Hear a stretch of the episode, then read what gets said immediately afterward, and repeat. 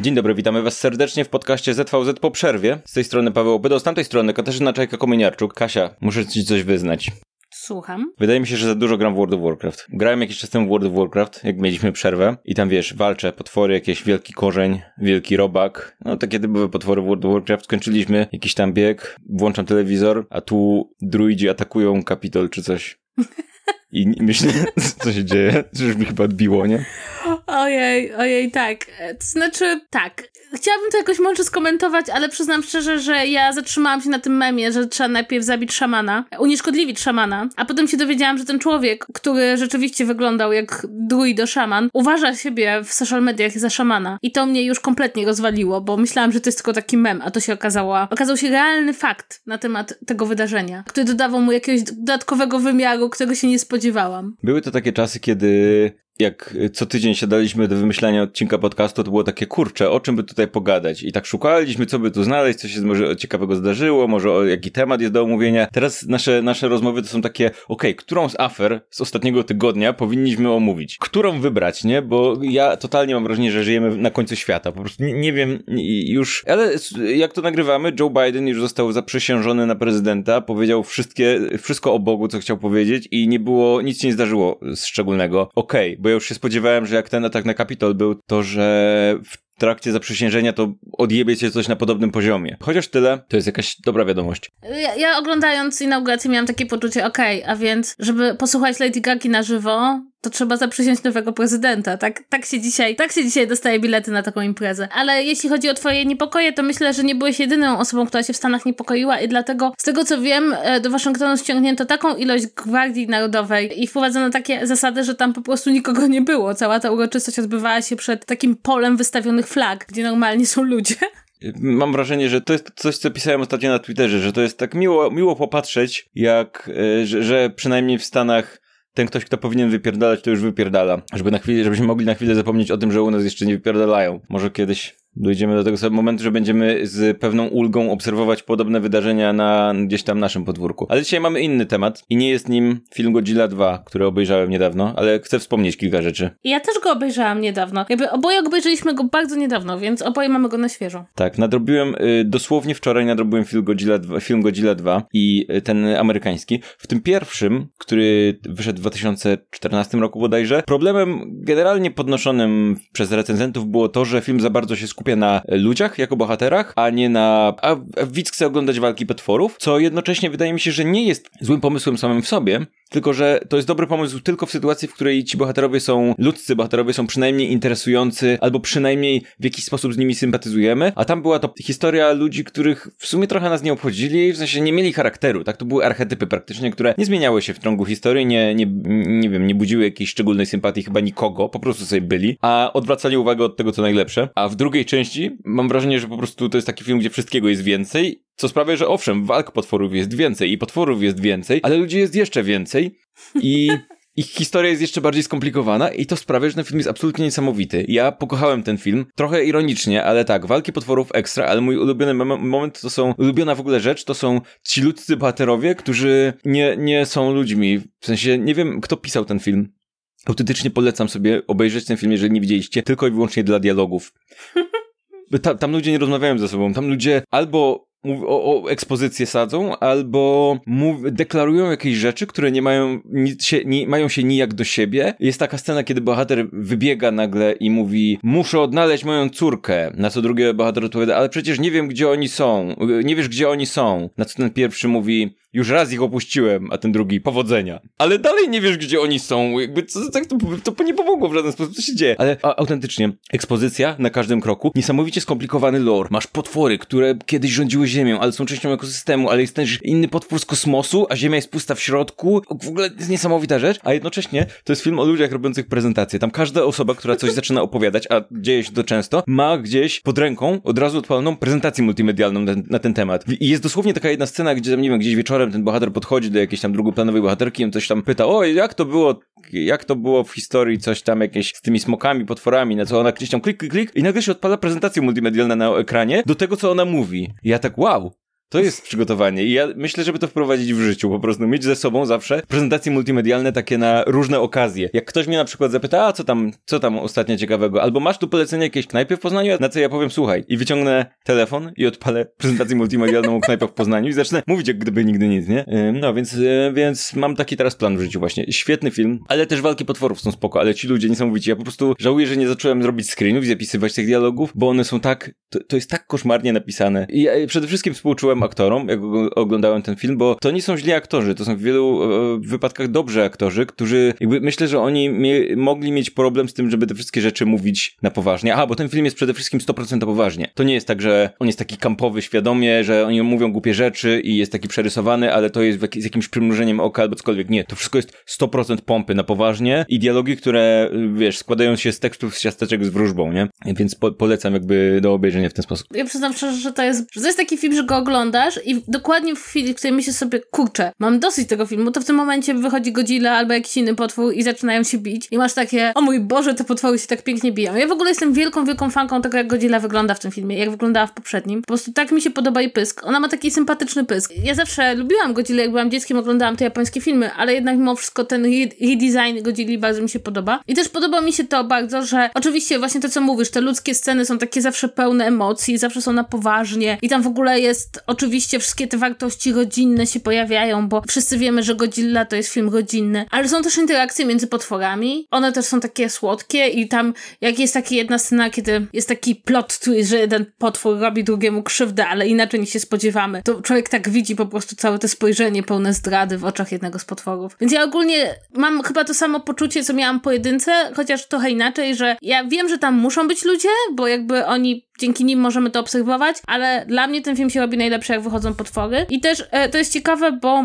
jak oglądałam ten film, to cały czas miałam tylko taką myśl, jak oni chcą zrobić trójkę z King Kongiem, kiedy w tym momencie tak naprawdę Godzilla jest tak mocarna i tak potężna, że ja nie wiem, jak po prostu King Kong miałby się z nią równać, jak Godzilla po prostu strzela mocą równą atomówce. Kasiu, ale słuchaj, to jest film, to ty nie możesz to traktować tego zupełnie poważnie. To, Co? To, to, ja, nie? nie możesz tego traktować, wiesz, realistycznie, zwłaszcza biorąc pod uwagę to, że istniał taki film jak Batman v Superman, który nie powinien mieć miejsca.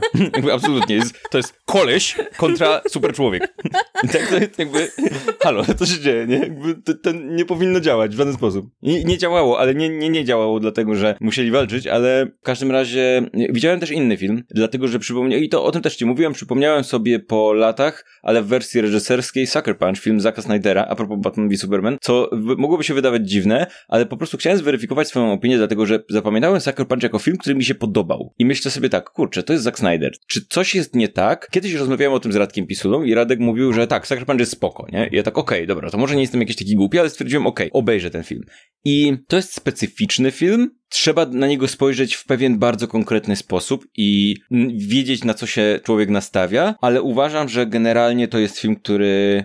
Nie, chciałem powiedzieć, że warto obejrzeć, ale to, czy warto obejrzeć, zależy konkretnie od widza. Ale to jest film, który mi się podobał i uważam, że jest ok, że jest interesującym pomysłem i że warto go było. Ja, ja uważam osobiście, że warto go było sobie powtórzyć. Przede wszystkim uważam, że to jest kwestia tego, że to jest Zack Snyder, który robi swój oryginalny film, nie adaptuje niczego, nie podchodzi do rzeczy, która już istnieje i nie próbuje coś z nią zrobić, nawiązać do czegoś czy coś tam, tylko robi coś, co jest zupełnie stuprocentowo jego. A to oznacza, że całość tego filmu jest jakby przystosowana do tego, jaki on styl reżyserii prezentuje i jaki w ogóle, nie wiem, jak, jakie podejście do kina prezentuje. To podejście może się nie podobać, okej, okay, jakby rozumiem to zupełnie, że ono się może nie podobać, ale przynajmniej powstaje coś, co, co jakby od początku do końca jest podyktowane temu podejściu i to sprawia, że to jest o poziom wyżej niż takie rzeczy jak, nie wiem, Batman v Superman, czy ten jego Superman i, i tak dalej, czy Justice League, którego nie widzieliśmy w sumie w tej jego wersji, ale zakładamy, że będzie na podobnym poziomie. Nie wiem, czy wiesz, co próbuję powiedzieć. Jest, ten film jest na maksa teledyskowy, jest na maksa kampowy,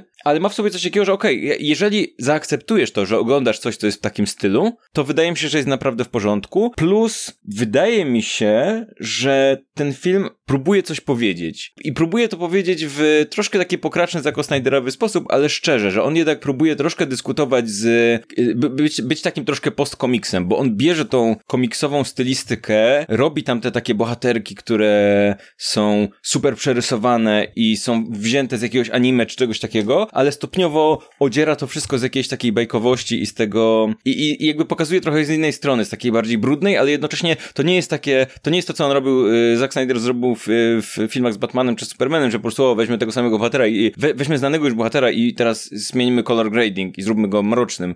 Tutaj jakby to odpoczął, mam wrażenie, że to jest bardziej spójne, dlatego że to są oryginalne postaci jego, które są w tym filmie stworzone od początku do końca w ten sposób. Plus wersja reżyserska uważam, że jest bez porównania lepsza od wersji kinowej, mimo że jest niewiele dłuższa. To nie jest istotne, jakby nie jest czasowo istotne, ale i zastanawiam się bardzo mocno, jak to się stało, że ona nie trafiła do kin, dlatego że jest jedna rzecz, która tam została wycięta i rozumiem, i jest to numer musicalowy w środku, w którym Oscar Isaac śpiewa piosenkę kabaretową i to rozumiem, że wypadło. Bo okej, okay, to jest, to nie wnosi nic do filmu zupełnie, ale poza tym główny, główna część, która została usunięta, to jest jedna dodatkowa scena z tym aktorem, który grał w tym serialu o... John Hamm. I to on jest praktycznie całkowicie wycięty z tego filmu, bo ten film się rozgrywa na, kilku płaszczyznach jakby rzeczywistości, tak? Nie wiem, czy to pamiętasz. Także bohaterka jest przez cały tak, czas pamiętam, w szpitalu tak. psychiatrycznym, ale my nie widzimy tego jako szpital psychiatryczny. Widzimy jej takie wyobrażenie, które ona sobie tworzy, żeby sobie ułatwić życie, więc to wszystko wygląda jakby to było jakieś takie dziwne połączenie kabaretu z jakimś klubem nocnym, z czymś takim, a potem jakby zagłębiamy się w kolejne poziomy jej wyobraźni i widzimy coraz bardziej dziwne komiksowe i kampowe rzeczy, nie? Przy tym w tej wersji rzeczywistej widzimy tę postać przez chwilę, którą gra John Hamm, ale jednocześnie potem w tej wersji wyobrażonej on jest całkowicie wycięty, a to jest kluczowa scena dla interpretacji tego filmu i to jest, to jest tak dziwne. Nie rozumiem dlaczego, dlaczego to zostało wycięte, bo to nie jest długo, to jest nie wiem, jakieś dwie minuty filmu, które zostały wycięte, a zupełnie zmieniają spojrzenie na niego. Plus, no to jest taki film, w którym uważam, że przydałaby się Erka, bo to jest film, gdzie wszędzie, wszystkie sceny, cały ten film wygląda jakby był zaprojektowany pod to, żeby był brutalny po prostu i żeby był taki pięknie brutalny, że wiesz, krew ścieka po ścianach i tak dalej, i tak dalej, po czym w każdym wypadku zostało to jakoś wytłumaczone, że o, to nie są naziści, to parowi zombie naziści, którzy wystrzeliwują parę zamiast krwi, więc teraz będziesz miała gore sceny, ale z parą, co jest dziwne. Jeżeli piszecie się na dziwne, trochę komiksowe, bardzo przerysowane, wizualne, teledyskowe kino i chcecie spróbować, jak to jest zajrzeć do umysłu Zaka Snydera, ale tak, żeby było na jego zasadach i żeby to nie była ekranizacja czegoś, żeby to nie było jakiś kompromis, to jest 100% od początku do końca jego, to wydaje mi się, że warto, że to, to paradoksalnie jest całkiem spoko wychodzi. A wyszedł nam kącik y, multikulturalny zobacz. Ale to jeszcze chciałabym dodać o Sucker Punch, bo ja pamiętam, jak oglądałam ten film po raz pierwszy i miałam takie straszne poczucie właśnie, że oglądam coś niepełnego, że tam pewne rzeczy się zaczynają, nie kończą, pewne rzeczy są właśnie, nie sklejają się. I potem rzeczywiście czytałam o tym, że cięcie tego filmu tam, on był po prostu za długi, chyba wypadło 17 minut, jest w tym mhm. rozszerzonej wersji, a to nie jest wszystko, co wypadło z tego, co Snyder nakręcił. Plus rzeczywiście oni bardzo chcieli uniknąć tej takiej mocnej elki właśnie, to co mówisz, że krew tryska po ścianach. I w sumie ja nie widziałam tej rozszerzonej wersji, ale bardzo mnie zachęciłeś, bo sama estetyka tego filmu nie przeszkadzała i mi się podobała i podobały mi się niektóre pomysły, ale właśnie miałam takie wrażenie takiego totalnego chaosu, a czasem to wrażenie wychodzi z tego, kiedy e, nie daj Boże film jest źle, znaczy nie źle przycięty, tylko jakby jest za długi albo nie sam reżyser go tnie, tylko tnie go pod jakąś presją. Przy czym zgadzam się przede wszystkim z tobą, że jakby styl znaka Snydera może się podobać i ma swoje miejsce w kinematografii, tylko właśnie no nie wtedy, kiedy jest zestawiony z tym, co wiem o jakichś bohaterach, czy kiedy nie daj Boże to wszystko jest robione na jedno kopyto, tak jak e, było zrobione w przypadku jego filmów dla, dla DC. Więc e, Chyba sobie to obejrzę. Mnie w każdym razie bardzo zachęciłeś, tylko muszę to znaleźć gdzieś online, bo chyba się mhm. tego w Polsce nie doczekaliśmy na płycie żadnej, bo jednak mimo wszystko to już jest film sprzed dobrych paru lat, chyba 2011 mm -hmm. był, jak to wyszło. Tak, tak, coś takiego. Na dziesięciolecie o tym mówimy w ogóle, zobaczcie. Przypadkowo? A może nie? Mm, może jesteśmy opłaceni przez Zaka Snydera. Release the Snyder Cut, a nie to już wycięte, to, to już y, będzie, to... W ogóle, wiesz, muszę ci powiedzieć, że fakt, że to się zdarzyło, jest dla mnie jedną z najdziwniejszych rzeczy w kulturze popularnej, z jaką się spotkałam w ostatnich latach. Jakby dla mnie to było takie, Release the Snyder Cut było takie memowe, a nagle się okazuje, że to będzie i HBO w ten sposób chce podbić sobie oglądanie platformy. To jest dla mnie, no, nie ukrywam, dużo zaskoczenia. Ja mam, ja mam, słuchaj, pewną hipotezę na ten temat. Mianowicie, hipoteza jest, wiadomo, że w produkcji filmu każdego jest wykorzystywany, jakby pracuje bardzo dużo różnych teamów, ekip i to często są niezależne takie małe studia, które zajmują się na przykład efektami specjalnymi. To nie jest tak, że, że nie wiem, Warner ma hangar z ludźmi robiącymi efekty specjalne. To są często bardzo małe studia i często te studia dzielą się robotą na takiej zasadzie, że kilka różnych studiów od efektów specjalnych pracuje nad jakąś jedną sceną, bitwą, jedną jakąś dłuższą sekwencją, nie? I są podzieleni łącznie z tym, że momentami jest tak, że te ujęcia płynnie przechodzą nawet bez jedno w drugie, że masz tutaj od i od tej sekundy jest ktoś inny, albo ci robią tylko zbliżenia, albo pierwszy plan ci robią drugi. Generalnie i to są niezależne od siebie firmy, tak? Więc oczywiście w ramach e, takiej współpracy nie jest tak, że jak robisz film, to dzwonisz do nich, hej, hej macie czas, a oni nie, już robimy do kogoś innego. Oto kurwa przesuwam premierę rok. Te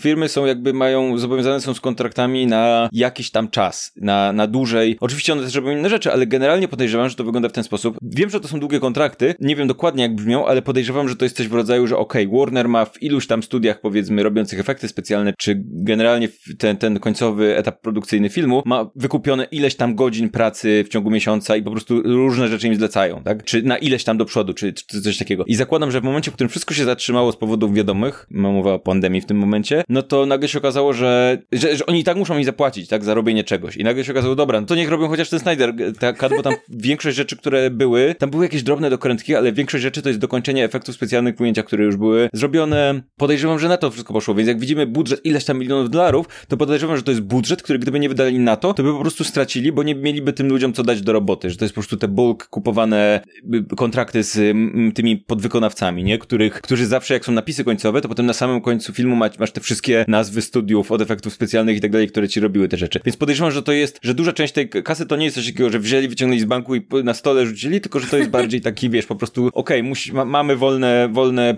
wiesz, zasoby, bo nie robimy nic innego na tym etapie, nie? A to jest bardzo możliwe. Zresztą w sumie, powiem ci szczerze, że już po tych wszystkich heheszkach, to ja nawet jestem ciekawa, jakby to wyglądało w jego wykonaniu, więc, więc trochę, ja wiem, że to może zabrzmieć e, dziwnie, ale trochę nawet na to czekam, bo widziałam, widziałam to rozszerzonego Batmana v Supermana i to niewiele wniosło do sprawy, e, więc w sumie jestem już jakoś zaangażowany w oglądanie tych rozszerzonych wersji. Ja mam jednak troszkę współczucia dla Zaka Snydera i troszkę patrzę na to z takim, e, no bo kurczę, wydaje mi się, że to może być zupełnie taka sytuacja, że wiemy w jakiej, w jakiej sytuacji on odszedł z produkcji tego filmu, ja wiem, że tam były też rzeczywiście kwestie jakiegoś tam relacji z Warnerem i tak dalej, i tak dalej, no ale wiemy, że osobista tragedia się wiązała z tym pewna i kurczę, wyobrażam sobie sytuację, w którym dla tego gościa po prostu to jest kwestia skończenia tego filmu, to jest kwestia tego, żeby pójść dalej z życiem, tak, że to jest coś, co on rzucił z, z powodu rodzinnej tragedii i nagle teraz może być dla niego w jego głowie gdzieś tam jakimś takim symbolem czegoś, co mu zostało odebrane, co potem, co, co nad czym pracował, w co się zaangażował i w co potem nagle stracił. I chce przynajmniej to w jakiś sposób dokończyć w swoich zasadach, po to, żeby potem móc powiedzieć, dobra, to cześć i ruszyć dalej z tymi rzeczami. I ja wiem, że on się potrafi zachowywać strasznie słabo w wielu sytuacjach i generalnie tworzyć wokół siebie atmosferę takiego praktycznie kultu, a ludzie, którzy są jego fanami są jeszcze gorsi. Zwykle ludzie, którzy są fanami czegoś są gorsi od tego czegoś, niezależnie jak złe to jest. Więc troszkę,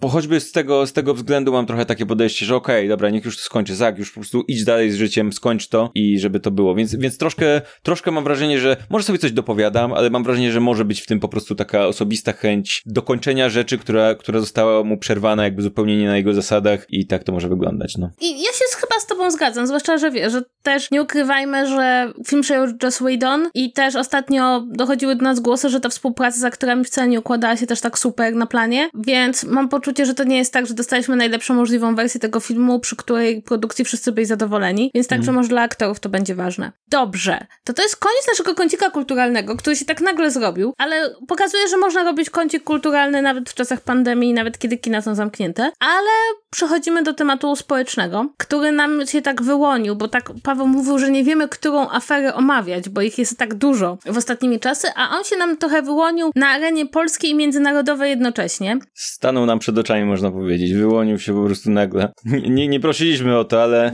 dostaliśmy ten temat. Spijamy go z social mediów jak krew. Tak, słuchajcie, ponieważ... Mm, to wiele tematów, nawiązałem do wielu rzeczy różnych.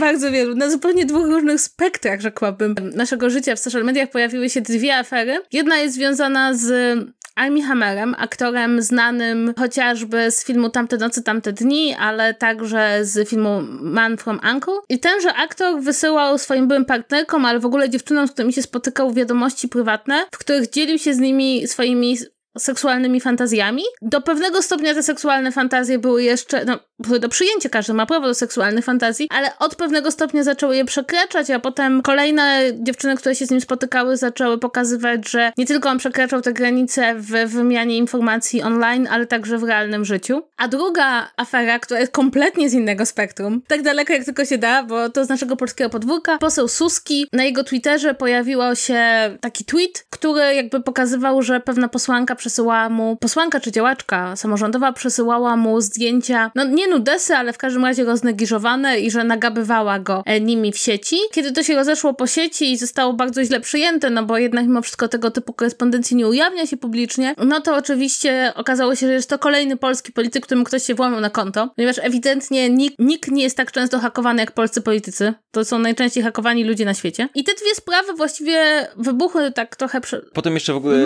y, zainteresowana najpierw powiedziała, że to jej zdjęcia, ale prywatne, a potem powiedziała, że to w ogóle nie, nie jej zdjęcia, bo ona sobie takich nie robiła i sprawa jest rozwojowa generalnie. Y, rzeczywiście, no w przypadku tych spraw, także w przypadku Armiego Hammera, tutaj on twierdzi, że pewne z tych rzeczy w ogóle się nigdy nie zdarzyły, ale zrezygnował z jednego filmu, powiedział, że nie chce w nim grać, czy powiedziano mu, że się nie chcą mhm. z nim grać, to jest inna sprawa. Natomiast jakby nie chcemy tutaj osądzać tych spraw samych w sobie, a porozmawiać troszeczkę właśnie o reakcjach na nie i o tym wszystkim, to się wiąże z sextingiem i z takim, że się tak wyrażę, intymnym wymiarem życia w sieci, które wiąże się z przesyłaniem sobie zdjęć, z wymienianiem się pewnymi informacjami, bo mam wrażenie, że to coraz częściej jest podstawą różnego rodzaju skandali i coraz częściej ludzie trochę nie umieją się do tego odnieść, dlatego że bardzo, bardzo często wychodzą z nas różnego rodzaju reakcje, które są niefajne i bardzo jest dużo w tym victim blamingu. W sumie mam wrażenie, że to jest jedna z tych rzeczy, w której najczęściej pojawia się e, to zjawisko victim blamingu, czyli winienie ofiary. Zwłaszcza w przypadku, jeśli wyciekną zdjęcia, pojawia się natychmiast ta sama reakcja co zawsze, czyli dlaczego sobie w ogóle robisz takie zdjęcia, dlaczego je wysyłasz i to jest twoja wina, bo ilekroć wysyłasz zdjęcia, to musisz się liczyć, zwłaszcza jeśli to właściwie to dotyczy wyłącznie kobiet, e, to musisz się liczyć z tym, że ktoś je ujawni. I, i to się zawsze pojawia i właściwie jest założenie, że no okej, okay, no ta osoba, która to udostępniła, może tego nie powinna robić, ale to ty jesteś sobie winna, bo nikt nie powinien sobie robić nagich zdjęć, czy nawet roznegiżowanych w jakikolwiek sposób zdjęć, bo to na pewno wycieknie.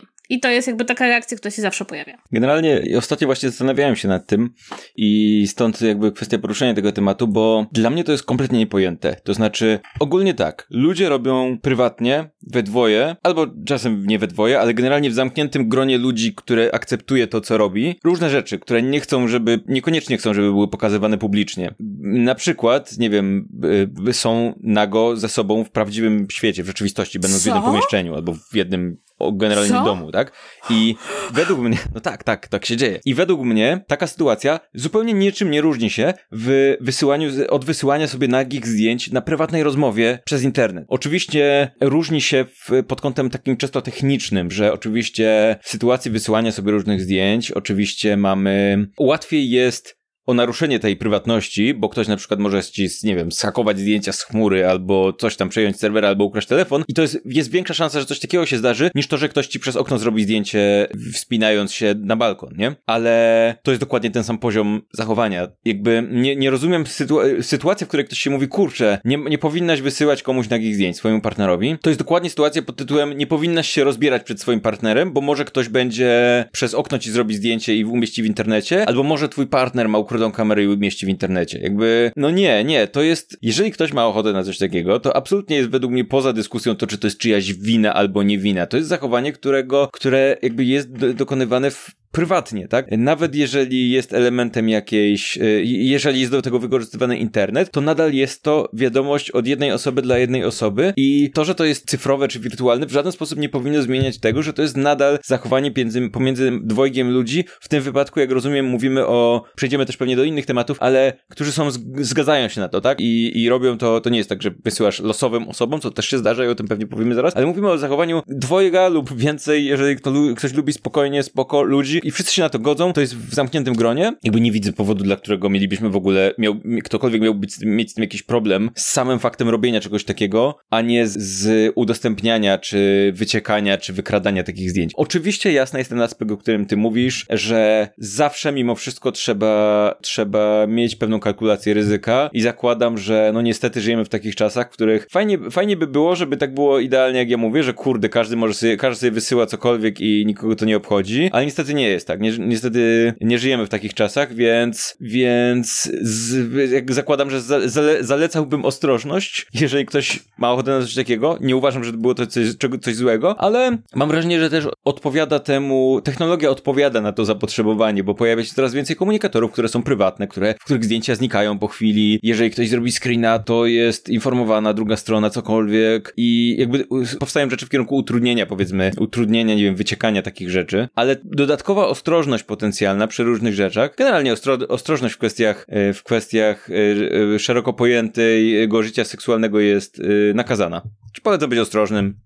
Bycie ostrożnym nigdy nie przeszkadza. Ale to nie zmienia zupełnie faktu, że jeżeli czyjeś zdjęcia wysyłane prywatnie, gdziekolwiek, komukolwiek, za zgodą, zostają udostępnione osobom trzecim, jakimkolwiek, w jakiejkolwiek formie, to ta osoba jest ofiarą, a nie jest sobie winna w żaden sposób, bo ta osoba nie wysyłała zdjęć tym wszystkim ludziom, wysyłała prywatnie. To jest czyjaś prywatna własność wykradziona w jakiś sposób, nie? Tak, no ja się zgadzam i też dodałabym tutaj dwa aspekty. No ogólnie warto być bezpiecznym w internecie, tak jak mówisz, nie tylko jeśli chodzi nawet o nasze życie seksualne, w ogóle jakby bezpieczeństwo i ochrona tego, co przesyłamy jest ważne, ale jednocześnie bardzo często jest takie, no jak mogłaś zaufać, jak mogłaś przesłać zdjęcie, przecież, przecież nie można ufać, ale e, zwróćmy uwagę, że to się pojawia w sytuacji, kiedy się właśnie te zdjęcia ujawnia, ale tak naprawdę każdy z nas ma jakąś konwersację ze swoimi znajomymi, czy ze osobą bliską, w której pisze rzeczy, których by nie chciał mówić publicznie, dlatego, że uważamy to za prywatne. Jest jakby umowa taka, że nie robi się screenów prywatnej rozmowy, nie udostępnia się ich. I często jest tak, że nie wiem, ktoś nas denerwuje, mamy jakąś niepopularną opinię, chcemy powiedzieć coś niepoprawnego, chcemy się wściec na naszego szefa, współpracownika, zrobić rzeczy, których nie możemy zrobić publicznie i robimy to w prywatnej rozmowie. I teraz nie ma praktycznie osoby, która nie powiedziałaby w prywatnej rozmowie przez komunikator czegoś, co ujawnione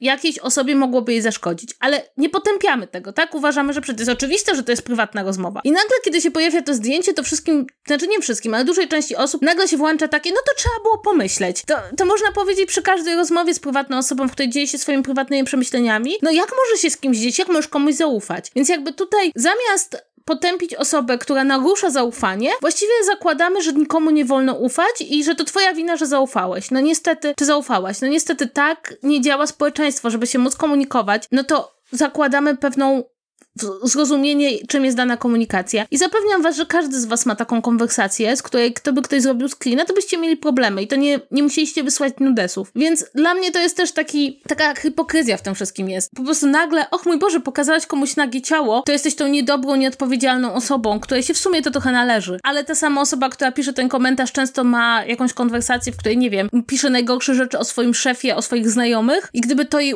ktoś ujawnił, to czułaby się głęboko oburzona, że jak ktoś mógł naruszyć moją prywatność. Więc ja widzę tutaj jeszcze ten aspekt, który wydaje mi się jest ważny, że tak naprawdę większość z nas zachowuje się w ten nierozsądny, to jest sposób na co dzień, ale ten mechanizm oceniania ujawnia się właśnie wtedy, kiedy pojawiają się zdjęcia. To jest też tutaj, e, swoją drogą przypomniałem sobie, widziałaś ten, jest zwiastun takiego filmu z e, Daisy Ridley z z Jonasem, moim ulubionym Jonasem, jak się nazywa, nie Kevinem, tylko jest Kevin, Joe i Nick, z Nickiem Jonasem i z, z Tomem Hollandem, o wiem. Tom Holland, Daisy Ridley, Nick Jonas jest w takim sci-fiowym filmie, który mm -hmm. podobno jest bardzo długo w piekle w ogóle realizacyjnym i to jest na bazie jakiegoś, nie, nie wiem czy to jest scenariusz oryginalny, wydaje mi się, że to jest adaptacja Jakiegoś czegoś, ale generalnie... Dalt, nie? Jakiegoś tak, chyba, chyba coś takiego, to jest generalnie jakaś taka przyszłość, w której nie ma kobiet, a i wszyscy noszą takie urządzenia, które jakby prezentują ich myśli na zewnątrz, dlatego żeby wszyscy, żeby wszyscy byli wiesz, otwarci wobec siebie w jakiś sposób, nie? Jakieś takie dystopijne. Ten zwiastun wyglądał jak interesujący film, który był bardzo długo w produkcji i trudno powiedzieć, co z tego wyjdzie, ale jest Nick Jonas, którego ja uwielbiam. Nick Jonas jest super, więc się cieszę. I Tom Holland, który też jest super. I Daisy Ridley, która też jest super, więc ten... Ale to interesujący pomysł. Zaproponował właśnie pójścia w zupełnie inną e, stronę, taką, dobra, to teraz ujawniajmy wszystko. Bo ile razy, to, to co mówisz, ile razy piszemy, myślimy o coś o innej osobie. Jakby ludzie są generalnie dość skomplikowani. Nie, nie bylibyśmy w stanie żyć, zakładając, że każda rzecz, którą gdziekolwiek piszemy, mówimy albo myślimy najlepiej, myślimy ją tylko, czy, czy mówimy ją tylko w taki sposób, żeby można było ją publikować. Wyobrażasz sobie, że masz taką zasadę w życiu, że stwierdzasz, ok, na każdej konwersacji prywatnej, nieprywatnej, w każdej rozmowie ze znajomymi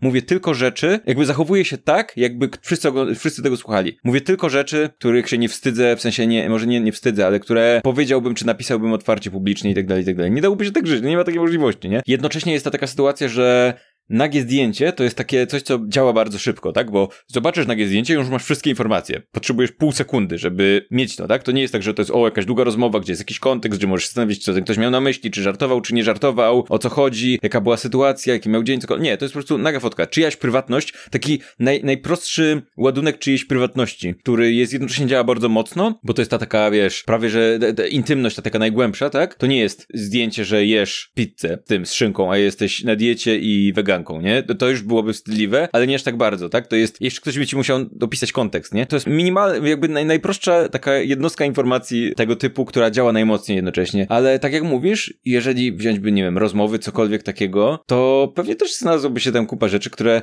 i to nawet niekoniecznie rzeczy, które wynikają z tego, że ktoś jest wredny, perfidny, wynikają z tego, że po prostu tak działają ludzie, a często też, nie wiem, żartują na przykład, albo coś przesadzają, albo, albo po prostu w jakimś tam gronie trochę inaczej komunikują się, bo im masz, wiesz, bardziej zaufane grono ludzi, tym komunikacja jest trochę inna.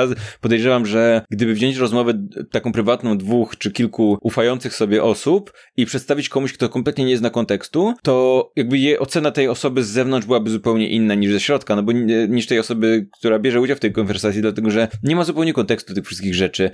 Im dłużej z kimś się znasz, tym więcej rzeczy skracasz, jakby tym bardziej pewne rzeczy wynikające ze, ze wzajemnej znajomości nie wymagają dokładnego podkreślania, jakby wiadomo kto kim jest, co kto robi, co kto uważa o pewnych tematach i pewne rzeczy po prostu zaczyna się, zaczyna się mieć swój prawie, praktycznie własny język, tak? Więc prawdopodobnie to byłoby równie duże naruszenie prywatności, a jednocześnie każdy, to tak jak mówisz, no zakładam, że każdy rozumie, jak to działa, nie? Zresztą ile razy były, ile razy pojawiały się afery z nagraniami polityków w ten sposób, że wprawdzie jeżeli wynikały z tego jakieś skandaliczne skandaliczne e, informacje, no to jasne, okej, okay, to stawało się, stawało się aferami, ale sam język, którym się posługiwali, czy coś takiego, szybko, jakby to przechodziło tak w miarę bez echa. Jasne, czasem były jakieś żarty, ale to, że tam politycy bluzgają, czy, czy mówią jakieś rzeczy, to jakby wszyscy bardzo szybko akceptowali, no tak, tak, oni tak gadają, ale to ludzie, no ludzie tak gadają, nie? Wiesz, co mi chodzi? No tak, tak. No, a jednocześnie sytuacja, w której nagle się pojawiają nagie zdjęcia, to już jest, to już nie jest, o no, to ludzie sobie wysyłają nagie zdjęcia, to nikt, nikt tak nie powie, nie? Plus jest jeszcze ten drugi aspekt, o którym wydaje mi się, że warto powiedzieć, to znaczy jakaś różnica między wysłaniem nudesa, a wysłaniem dickpika i że kontekst jest zupełnie inny i zupełnie inny jest odbiór tej sytuacji i zupełnie inny jest poziom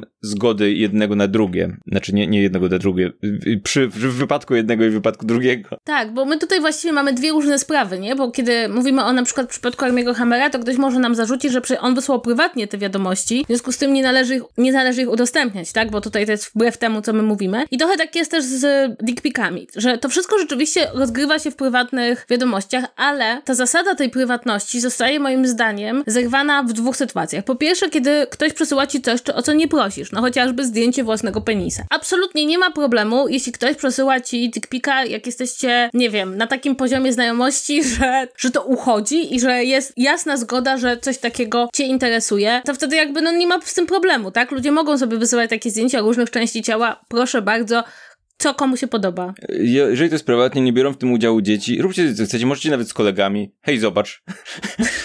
Fajne, co? Hej, fajne, no, ja też mam, masz tutaj, cześć.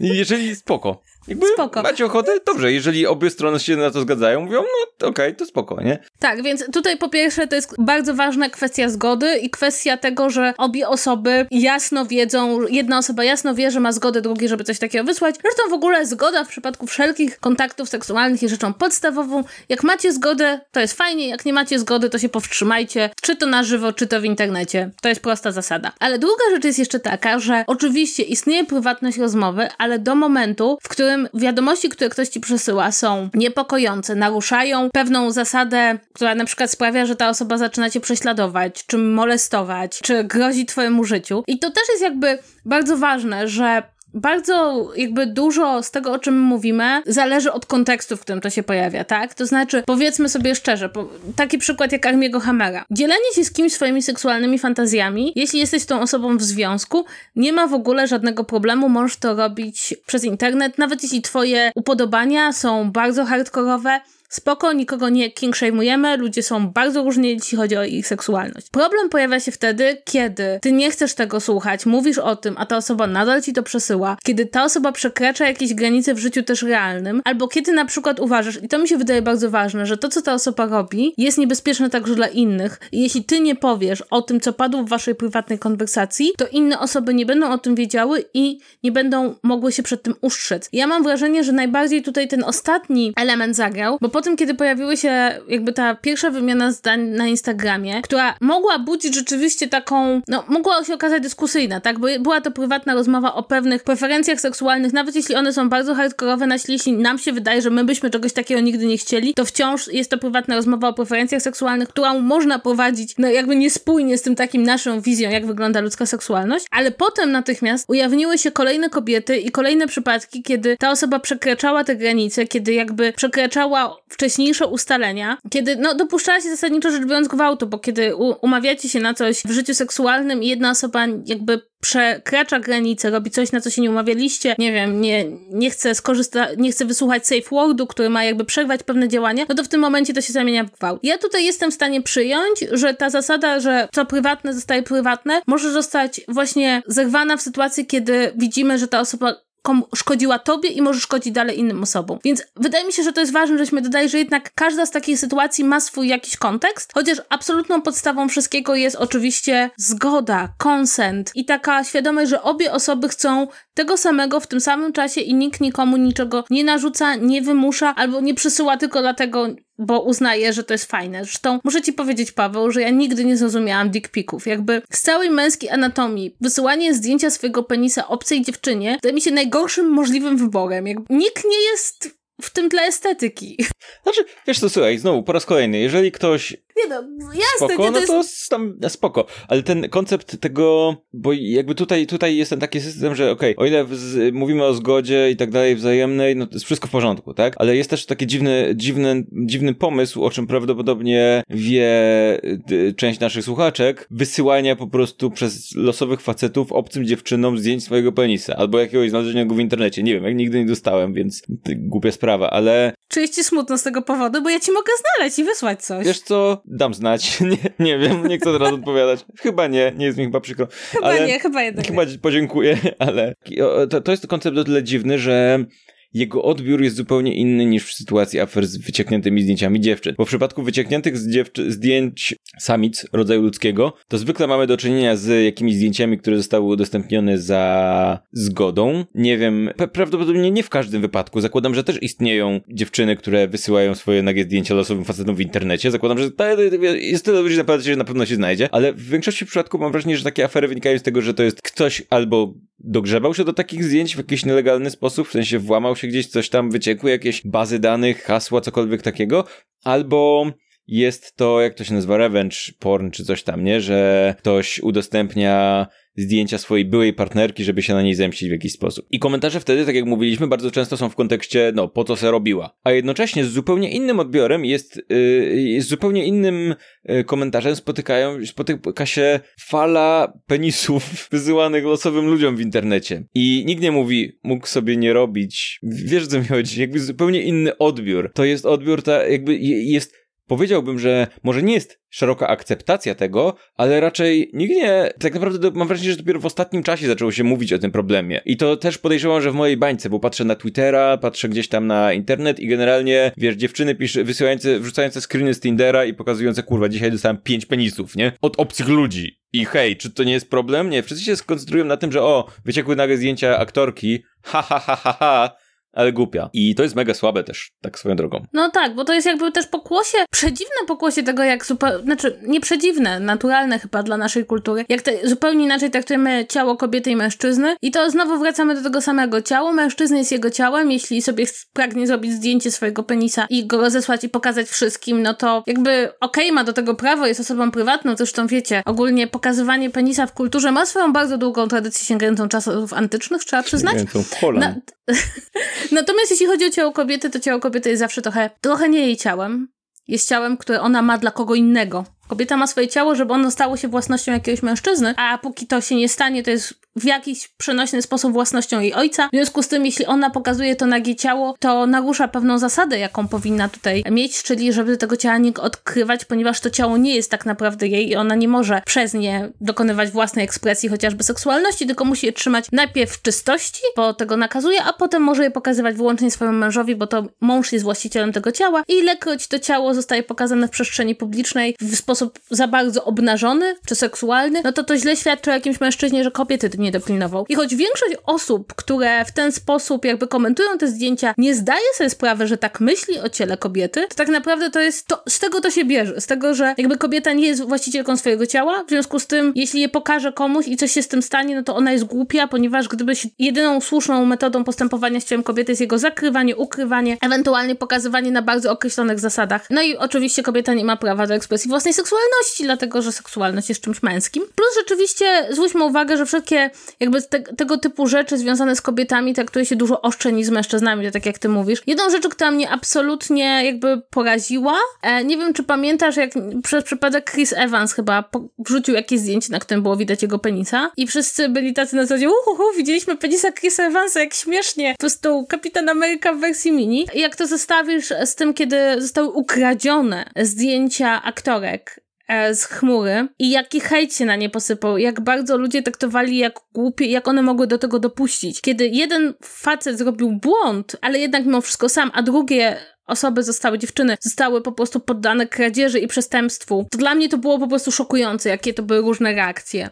E, i jak bardzo właśnie pokazywały, jak inaczej patrzymy, patrzymy na te ciała i na to, co, kto ma prawo w ogóle pokazać swoje ciało. Dokładnie, ale to kurczę, to, to, to ja ostatnio miałem takie przemyślenia a propos tego, że żyjemy jednak w kulturze, w której jest taka jedna religia, która ma dość duży, istotny wpływ i możemy jej nie lubić, możemy nie czuć się jej częścią, ale trzeba przyznać, że na przykład w Polsce elementem, istotnym elementem kulturowym jest wiara chrześcijańska i tak dalej, i tak dalej. Czy zastanawialiście się kiedyś, zwracam się do, do, do słuchaczy, nie, że mówię do ciebie w liczbie mnogiej teraz nagle, czy zastanawialiście się kiedyś, jak bardzo pokręcone i dziwne jest, jest to takie fetyszyzowanie dziewictwa w, w chrześcijaństwie i generalnie w kulturze katolickiej. To jest tak dziwne, nie? W sensie masz tą Maryję, która jest, która wiesz, masz to niepokalane poczęcie i to, że kurczę, to od początku masz to takie, kurczę, Maryja jest taka zajebista, jako jedyna kobieta jest taka zajebista, bo jest niepokalana. Dogmat o niepokalanym poczęciu to jest trochę co innego. Że e, Matka Boska została poczęta bez grzechu. Ale generalnie masz to, masz Maryję zawsze dziewicę, masz to wszystko,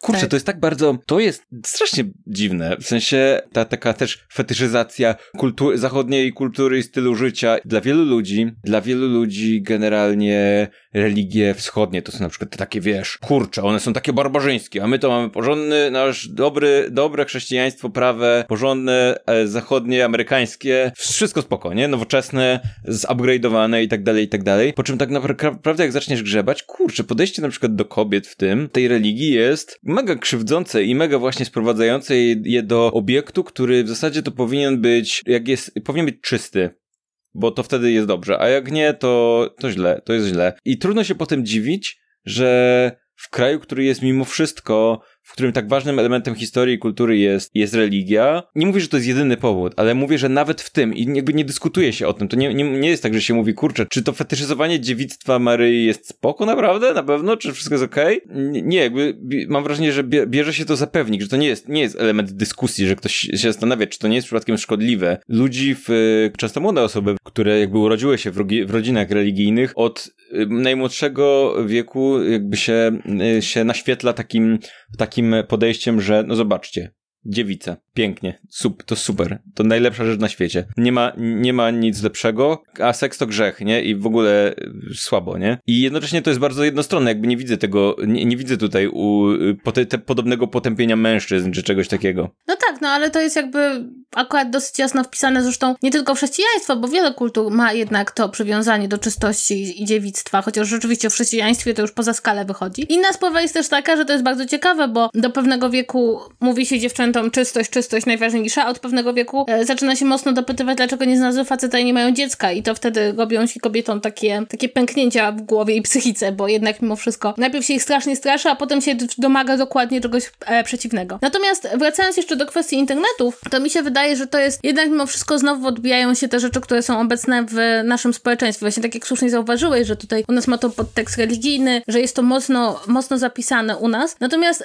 też wydaje mi się, że to jest dosyć ciekawe. Jeszcze jeden aspekt w przypadku tej historii, która się wydarzyła w Polsce, że mówimy tutaj o ludziach w średnim wieku. I miałam wrażenie, że też kolejną rzeczą, która w ogóle wywoła jakiś taki niesamowity odzew, to jest to, że jak to jest możliwe w ogóle, że taka afera mogłaby dotyczyć osób, które nie są młode, bo jest cały czas takie przekonanie, że jakąkolwiek aktywność seksualną, a także w internecie wykazują wyłącznie osoby młode. I kiedy nagle to się, wiesz, ma dotyczyć osoby w średnim wieku, to dodatkowo jest jeszcze złamanie jakiegoś takiego olbrzymiego tabu. Tymczasem ja mam wrażenie, że jest taka, że strasznie brakuje informacji o prywatności, o tym, jak tą prywatność traktować i o tym, jak ją zabezpieczać w sieci właśnie na osób w średnim wieku. No bo jednak mimo wszystko nie ukrywajmy, to nie jest tak, że e, seksualność kończy się, wiecie, 35 lat i do widzenia. Już nikt nigdy nie czuje pociągu seksualnego. Nie, ona trwa jakby do końca życia człowieka, natomiast wiedza na temat prywatności i wiedza na temat tego, jak się zachowywać w sieci, żeby jakby jak najbardziej się zabezpieczyć, chociażby przed wyciekiem danych, bo jeśli rzeczywiście ktoś się włamuje na prywatne konto, to to też nie jest dobre dla osób, którymi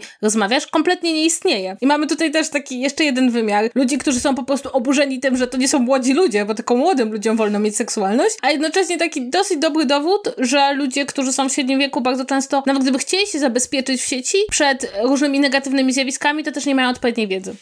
Wyobraziłem sobie coś, jak mówiłeś, jak opowiadałeś, to wyobraziłem sobie pociąg seksualny, taka, wiesz, czufcia po prostu czu, czu, czu, i Marek Suski w takiej czapce z przodu tego prowadzi pociąg seksualny jedziemy, uu, wsiadamy na to i ten, podoba mi się. Ten, pomysł. Podoba ci się. W kształcie ja, ja wielkiego penisa, wielkiego dildo, takiego ogromnego, taka lokomotywa. Ja to Właśnie widzę. straciliśmy połowę słuchaczy. Już. Koniec. Nigdy tu nie wrócą. Muszą mm. iść na terapię. Dobrze. Czy mamy jakieś takie wnioski na koniec? Bo jeszcze chciałem ci coś opowiedzieć. To ostatnio odkryłem. Dobrze. To wnioski na koniec są chyba proste. To znaczy pamiętajcie, że jeśli kiedykolwiek spotka was w sieci coś takiego jak revenge porn, to się tak nazywa, czyli że ktoś udostępnia wasze prywatne zdjęcia, filmiki, czy nawet bardzo prywatne informacje po to, żeby się na przykład zemścić za to, że zerwaliście, czy skończyliście związek, to pamiętajcie, że to wy jesteście ofiarami i absolutnie nie zrobiliście nic złego. Jeśli jesteście osobami, które dostają tego typu chciane zdjęcia czy filmiki, to pamiętajcie, że jeśli to udostępnicie, to no, jesteście dobrymi ludźmi, tego się nie udostępnia dalej. E, jeśli macie mm, penisa, to zastanówcie się cztery razy, komu wysyłacie jego zdjęcie i jeśli ta osoba nie powiedziała, hej, chcę zobaczyć twojego penisa, pokaż mi go, to nie pokazujcie swojego penisa obcym ludziom, bo tak się nie robi. Innych części ciała też nie, ale akurat w przypadku penisa, ja wiem, że on jest fajny i się dynda, ale nie róbcie mu zdjęć. A, a jeśli ktoś wam wysyła wiadomości, o których sądzicie, że są bardzo niebezpieczne i e, nie chcecie ich i naruszają pewne granice i sądzicie, że ta osoba może zrobić krzywdę innym osobom, no to po długim zastanowieniu się możecie to ujawnić, ale, ale oczywiście ostrożnie i po przemyśleniu tego. No i to wydaje mi się, że to są, to są takie podstawowe wnioski. Fajnie, fajnie by było, jakbyście się nie zjadali nawzajem. A tak, tak, jeśli jesteście kanibalami, to pamiętajcie, że tylko Hannibalowi Lecterowi uchodzi na sucho chodzenie i mówienie, że jest kanibalem. Wszystkich innych w końcu aresztują. Widziałem niesamowity film w internecie i to jest mój tak? teraz go-to wideo, go-to wideo reptyliańskie na, w, na polskim YouTubie. Bo do tej pory, jak ktoś mówił, Paweł, jak, jak to jest oglądać wideo o reptylianach? Co polecasz na start? Gdzie zacząć? Gdzie, gdzie się zagłębić, to polecałem wywiad z, na, z Namro, ale to było 40-minutowe wideo, gdzie przez połowę czasu zanudzają, ale odkryłem ostatnio coś nie, niesamowitego. Na ulubionym i zawsze polecanym, trochę rasistowskim i trochę szkodliwym, ale czasem trzeba dla eksperymentu, dla wiedzy naukowej wejść w różne takie rzeczy. E, kanale Porozmawiajmy TV jest wideo, które nazywa się Bajka o reptilianach, bodajże, czekaj chwilkę, ja znajdę to. Bajka na dobranoc, Atlanci, Lemurianie i inni. To jest chyba to, wideo sprzed 7 lat i to jest, to jest niesamowite. To jest piguła wiedzy, to jest, to jest transkrypcja wywiadu z jakimś człowiekiem, który wie wszystko o reptilianach i o rzeczach. To jest tak, że generalnie w, tej, tak, w tym takim środowisku raz na jakiś czas pojawi się jakiś wywiad, który ludzie sobie tłumaczą translatorem i wysyłają nawzajem. Nikt nie wie, kto to zrobił, skąd, o, co to jest za osoba, o co chodzi, ale to jest prawda i wiadomo. To ma dwie części. Jedna część ma 13 minut, druga 20 minut. Wystarczy wam jedna. I w tym wideo jest wszystko. Ten generalnie, generalnie typ opowiada o wszystkim, co wie o całym lore ziemskich reptilian, które ma w głowie swojej i jest tam wszystko, począwszy od mieszkańców Atlantydy, ludzi z przyszłości, którzy cofają się w czasie, żeby zbierać ludzkie DNA, bo ich się kończy z jakiegoś powodu. Reptilianie, w ogóle Galaktyczna Federacja Światła, Arkturianie i tak dalej, i tak dalej. Jest tam więcej. Jest moja ulubiona rzecz w teoriach spiskowych, czyli traktowanie filmów y, fikcyjnych jako, traktowanie kina jako źródła i oni na, tam na przykład traktują jako źródło historyczne Władcy Pierścieni, bo Władcy Pierścieni jest o reptilianach, te, teraz nie wiem, czy złapałaś to. Y, I Star Treka. Star Trek to wiadomo, jakby Star Treka to jeszcze możesz skumać, o tak, faktycznie Federacja, tak jak ta prawdziwa Federacja, ale że weźmiesz Władcy Pierścieni stwierdzić, tak, tak, była, tak to było w historii. To właśnie zostali reptylianie w ten sposób ukazani w tym filmie, a ja tak, o, dobra, okej, okay. więc polecam. Słuchajcie, bajka na dobranoc, porozmawiajmy TV, jak wpiszecie na YouTubie, obczajcie to jest, mówię, 13 minut. Tam, tam jest wszystko. Rosjanie z kosmosu, którzy coś tam chcą zrobić, walczą z CIA, z Atlantydy, czy coś tam. Kurczę, polecam. To jest naj, najmocniejsza rzecz w tej kategorii, jaką widziałem. Polecam wszystkim bardzo mocno. Tak, słuchajcie, więc jeśli tęskniliście za naszym kącikiem reptyliańskim, to on powrócił, ponieważ mamy swoje zobowiązania, ktoś nam w końcu za to płaci. Tak, tak, macie, macie, to jest wasze zadanie do obejrzenia. Proszę, czekam na wasze komentarze, co was najbardziej zauroczyło w tym wideo. Będzie wejściówka na następnym, na następnym Ja będę odcinku. mówił Arkturianie, a wy musicie powiedzieć kto to. No i polecam też jeszcze raz Godzilla 2. Zapisujcie najfajniejsze dialogi, są cudowne absolutnie i ludzie robiąc prezentację. Kocham. Tak, i jest tam pusta ziemia, więc to jest jakby też trochę... Tak, to też źródło historyczne jest. W ogóle, e, słuchajcie, ponieważ ja teraz e, siedzimy na, wiadomo, w, e, na końcu świata, jest koniec świata się zbliża, to polećcie jakieś filmy, które mogły na przykład nas ominąć w jakiś sposób, które, nie wiem, przeszły bez echa, a może warto je zobaczyć z jakiegoś powodu, takiego nietypowego, bo ja ostatnio właśnie mam takie coś, że zaczynam odkrywać filmy, które przeszły, albo były słabo oceniane, albo gdzieś tam przeszły bez echa i próbuję w nich znaleźć coś, po prostu, co, cokolwiek, coś, żeby coś znaleźć. Więc jeżeli macie coś na przykład, o czym wiecie, że nie jest najpopularniejszym filmem na świecie, a uważacie, że niesłusznie, że coś tam, no to, to zapraszam, bo ja ostatnio nadrabiam. Nadrabiam ja, ja chętnie bardzo. Bo sobie obejrzymy, obejrzymy sobie, nadrobimy i, i może porozma- będzie ten nasz kącik taki trochę kulturalny, jednak reanimowany mm. i to będzie kącik dziwnych filmów, których nikt nie ogląda, a my czujemy 10 lat później potrzebę, żeby o nich porozmawiać. Tak, więc y, dziękujemy za udział Łoż w naszym odcinku, w sensie nasz udział w waszym życiu też. To tyle w tym tygodniu. Wróciliśmy po przerwie, musimy się troszkę jeszcze rozgrzać, bo ja czuję, że gdzieś muszę złapać dopiero rytm jeszcze, ale będzie dobrze. To, to może być nie tak, koniec świata. Trzymajcie się i żegnajcie. Papá!